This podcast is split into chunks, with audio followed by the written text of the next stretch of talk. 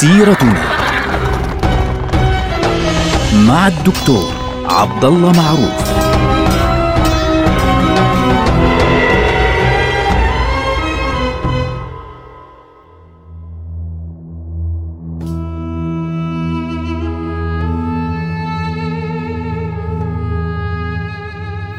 بسم الله الرحمن الرحيم. الحمد لله والصلاة والسلام على رسول الله. حياكم الله جميعا. آه سيرتنا طبعا نبدأ بها مع سيرة النبي صلى الله عليه وسلم. النبي صلى الله عليه وسلم الآن عمره أربع سنوات. في هذه الأربع سنوات طبعا كانت حليمة بنت عبد الله اللي هي حليمة السعدية كما تعرف عندنا رضي الله عنها وأرضاها كانت هي التي آه، ترضع النبي صلى الله عليه وسلم. وما كانت أصلا مفكرة بفكرة أنه ترجع النبي صلى الله عليه وسلم لأمه لولا أن هناك حادثة مهمة جدا حدثت. لما صار عمر النبي صلى الله عليه وسلم أربع سنوات حدثت معه حادثة شق صدره لأول مرة عليه الصلاة والسلام. هذه أول إرهاص من إرهاصات النبوة. إرهاص يعني علامة من علامات النبوة التي حدثت للنبي صلى الله عليه وسلم. على فكرة هذه الرواية وردتنا من طريقين. واحدة منها حليمة نفسها بعد ما أسلمت وهاجرت كانت تحدث بالذي حصل. والمرة الثانية والرواية الثانية وردتنا من مين؟ من رسول الله شخصيا. هو الذي حدث بما عنده. طيب واحد وعمره أربع سنوات بيتذكر الأحداث؟ نعم بيتذكر النبي صلى الله عليه وسلم بالذات. كان يتذكر الأحداث التي تحصل معه لأنه تقول عنه السيدة حليمة تقول كان يشب لا كالولمان يعني يعني يدوب مش مثل الغلمان اللي بطيئين لا نموه كان سريع عليه الصلاة والسلام وعقله كان يعني يكبر بسرعة. المبدأ لما صار عمره أربع سنوات نسمع من النبي صلى الله عليه وسلم بيقول إيش هو؟ كنت مسترضعا في بني سعد. يعني كنت عندهم برضع. فخرجت يوما أنا وأخ لي. طبعا يقصد مين؟ عبد الله بن الحارث أخوه برضاعة. أنا رعى الغنم ونسينا زادنا. فقلت له لو ذهبت إلى أمنا يقصد حليمة إلى أمنا فأحضرت لنا زادا. فلما ذهب عبد الله يقول النبي صلى الله عليه وسلم فأقبل طائران أبيضان حتى وقفا علي وإذا بهما إيه؟ رجلان. تحولوا لرجلين مباشرة. من هما؟ هذان الاثنان هما جبريل وميكائيل. عليهما الصلاة والسلام. فبيقول فأخذاني فاحتملاني فصرعاني. يعني بمعنى أنه النبي صلى الله عليه وسلم قاوم لسه طفل مش عارف إيش اللي بيصير معه. فصرعوه على الأرض وثبتوه وشقا صدري. شق صدره جبريل وأخرج قلبي. ثم آه، عالجوا وأخرج منه علقة سوداء. قطعة هيك سوداء ورماها وقال هذا حظ الشيطان منكم. وألقاها. ثم غسل قلبه في طست من ذهب بماء. عرف النبي صلى الله عليه وسلم طبعا بعد هيك إنه ماء زمزم. ثم بعد ذلك يقول وأعاد قلبي ثم لأم الجرح. يعني خيطوا فعليا ثبتوا هيك بهذه الطريقة. في هذه اللحظة اللي النبي صلى الله عليه وسلم كان مبطوح على الأرض إجا أخوه. تقول حليمة الآن هون الرواية الثانية تبعت حليمة. بتقول إجا عبد الله جاب آه، حكى لي نسيت الأكل فأخذ الطعام ثم بعد ذلك جاءني يركض. إيش مالك؟ شو مالك يا ابني؟ فقال لها محمد قتل. ليه؟ لأنه أول ما وصل الولد الصغير عبد الله رأى النبي صلى الله عليه وسلم مثبت على الأرض وصدره مفتوح، طبعا شو راح يشوف هذا المشهد؟ آه خلاص انتهى. يعني النبي صلى الله عليه وسلم قتل، هيك يظن. فتقول فأقبلت به مسرعة. يعني مر بركض. فاستقبلنا ممتقع الوجه. فبتقول فلما رأيته آه، إيش فيه؟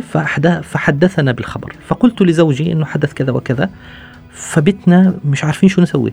فقال زوجي قال لها والله لا أض... لا اضمن يعني ما بنضمنش إنه يكون هذا لا آمن أن يكون قد أصابه شيطان فخذيه إلى أمه قبل أن يظهر عليه شيء. يعني إحنا ما ندري شو اللي صار معه. فحملته بتقول حملته وركاض على مكة. يعني ركاض فلما وصلت بيت آمنة طرقت الباب. مين؟ حليمة. إيه شو مالك؟ يعني شو في فبتقول طبعا حليمة خايفة ما بدهاش تحكي لها شو في فقالت إني قد رأيت أني قد أديت أمانتي وفعلت ما يعني وأردت أن أعيده لكم. فنظرت فيها أم أمه وقالت قد كنت أحرص عليه. يعني أنت حريصة عليه كنت. شو مالك؟ فأخبريني الحقيقة. ما الخبر؟ فهي بتعرف كيف يعني زي اللي يعني انهار في التحقيق بين قوسين هيك. فانهارت قالت له والله صار كذا وكذا وكذا. هي طبعا بتحكي بتحكي بتحكي وهي خايفة. ولكن أم النبي صلى الله عليه وسلم هيك ثابتة ولا كلمة بكل بساطة هذه هيك. فحليمة بتقول فأخبرتها الخبر فلم ترع. لم ترع. شو معناها؟ ولا أي خوف ولا بدا عليها أي شيء. فهي استغربت حليمة انه أنا بحكي لك ابنك في واحد بطح وشق له صدره ومش عارف إيه. شو مالك؟ فقالت لها آه آمنة. كلا والله لا يصيب ولدي هذا شر. إني رأيت حين حملته نورا خرج مني أضاء ما بين المشرق والمغرب. ولكن ارجعي راشدة. الله يجزيك الخير. شكرا لك. بارك الله فيك. خلاص انتهى الأمر. لا تخافي. فعاش النبي صلى الله عليه وسلم مع أمه بعد ذلك سنتين حتى صار عمره ست سنوات.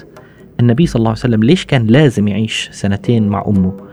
لأنه لازم يعرف شو يعني أم. لأنه بده يتكلم بعد هيك يعرف أبنائه شو يعني والأمة كلها شو يعني أم. فلذلك عاش مع أمه سنتين. لما صار عمره ست سنوات أخذته أمه إلى يثرب. حتى يزور قبر أبيه. كانت تعرفه أنه أبوك هو كذا أبوك من كذا وقومك بني النجار من أخوال أبيك إلى آخره. فكانت تعرفه هذه المراحل كلها. فخرجت به لزيارة آه، أبيه قبر أبيه. فلما كانت هناك مرضت آمنة وبدأ الموت يعالجها. فخرجت مع النبي صلى الله عليه وسلم مسرعة. فلما وصلت الأبواء الأبواء هذه قريبة جدا على المدينة على فكرة على طريق مكة. يعني حوالي نحكي عن حوالي 30 40 كيلو تقريبا مش بعيدة. فلما وصلت إلى هناك ماتت آمنة أم النبي صلى الله عليه وسلم. الآن تخيل أنت هذا الطفل مش فقط إنه والله ولد يتيما بيعرفش يعني آه، ما عمره ما شاف والده. لكنه الآن هو عمره ست سنين. ما فيش معه غير حاضنة أم أيمن وأمه ويرى أمه تموت بين يديه ثم يدفنها بيديه الصغيرتين عليه الصلاة والسلام. على فكرة الطفل اللي تتتابع عليه هذه المصائب وهو صغير بيتحول لواحد من اثنين. إما أن يصبح قائدا عظيما أو ممكن واحد يصير معه أشياء زي هيك فيصبح مجرما خطيرا حاقد على المجتمع. لكن النبي صلى الله عليه وسلم لا. صنعت منه هذه الأحداث قائدا عظيما بل أعظم قائد في البشرية.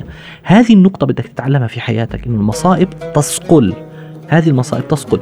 ليش هذا الأمر حدث مع النبي صلى الله عليه وسلم؟ بعض الناس ممكن يظن أنه هذا الكلام كان فيه شدة على النبي صلى الله عليه وسلم. أو قسوة. لا لا أبدا. لماذا؟ لأنه النبي صلى الله عليه وسلم بعد هيك لما بطل عنده لا يعني ما عندوش أب والآن ما عندوش أم فبالتالي إيش صار يقول النبي صلى الله عليه وسلم؟ صار يقول ربي بدل من يقول بدل من أن يقول أبي أو أمي صار يقول ربي ألم يجدك يتيما فآوى هكذا قال الله عز وجل له في سورة الضحى. فبالتالي النبي صلى الله عليه وسلم عاد مكسور القلب هذا الطفل اللي عمره ست سنين لا أب ولا أم الآن وما في لا إخوة ولا أخوات ولا شيء وعاد إلى جده فجده يعني احتضنه وقال هذا ولدي عندي فكان عنده سنتين أخريين. ليه؟ حتى يعرف معنى الأب. لأنه قلنا ما أعز من الولد. إحنا بنعرف أنه في بلاد الشام شو بيقولوا؟ ما أعز من الولد إلا ولد الولد. حتى في مصر بيقول هذا الكلام. يمكن في العالم العربي كله بيقولوا. فالمبدأ كان لابد أنه يعيش مع جده سنتين كاملات. ليه؟ حتى يعرف معنى الأب ومعنى الجد. لأنه بعد هيك بده يعلم الناس شو يعني أب شو يعني أم شو يعني أخ شو يعني أخت شو يعني عائلة. لذلك لاحظوا الترتيب لاحظوا التدريب. من أول من صفر لسنتين أصلا لساته يعني انفنت صغير جدا.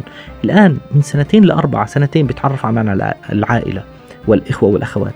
من أربعة لستة سنتين بيتعرف على معنى الأم بالذات. من آه، ستة لثمانية بيتعرف على معنى الأب والجد بالذات. ليه؟ حتى يعلم البشرية. حتى ما يجي واحد يقول والله النبي صلى الله عليه وسلم لم يكن يعرف هذه أو لم يعش هذه المعاني أبدا. لذلك كان يعيش مع جده ويتعرف على الأحداث المهمة لأنه كان جده سيد قريش. فلما يجي أبناء عبد المطلب كلهم بيكونوا جالسين فيجي النبي صلى الله عليه وسلم فيحاولوا يبعدوه إنه ما بيصير تجلس عند الكبار. فيقول ذر ولدي هذا. تركوه فيجلسه إلى جانبه ويمسح ظهره الشريف عليه الصلاة والسلام ويقول إن لولدي هذا شأنا هذا ابني أنتم مش متخيلين إيش, إيش راح يصير فيه هذا سيكون له شأن عظيم.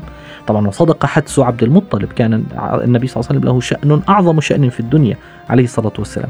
فبالتالي في ذلك في هذول السنتين النبي صلى الله عليه وسلم كان يجلس ويسمع من الكبار ويسمع إدارة شؤون الدولة بين قوسين لأنه عبد المطلب سيد قريش يعني بين قوسين زعيم مكة يعني رئيس. فالنبي صلى الله عليه وسلم يقدم منذ أن كان طفلا على المستوى السياسي يتعرف على المستوى السياسي يتعرف على القبائل العربية على الحديث حديث الكبار فعليا.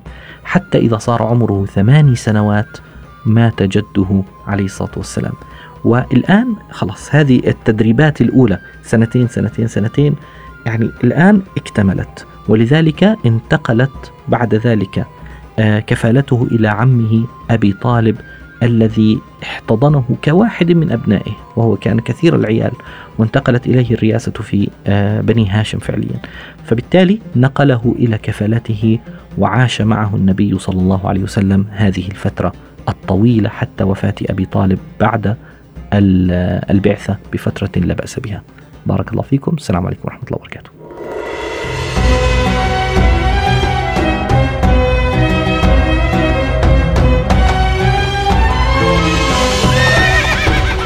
سيرتنا مع الدكتور عبد الله معروف.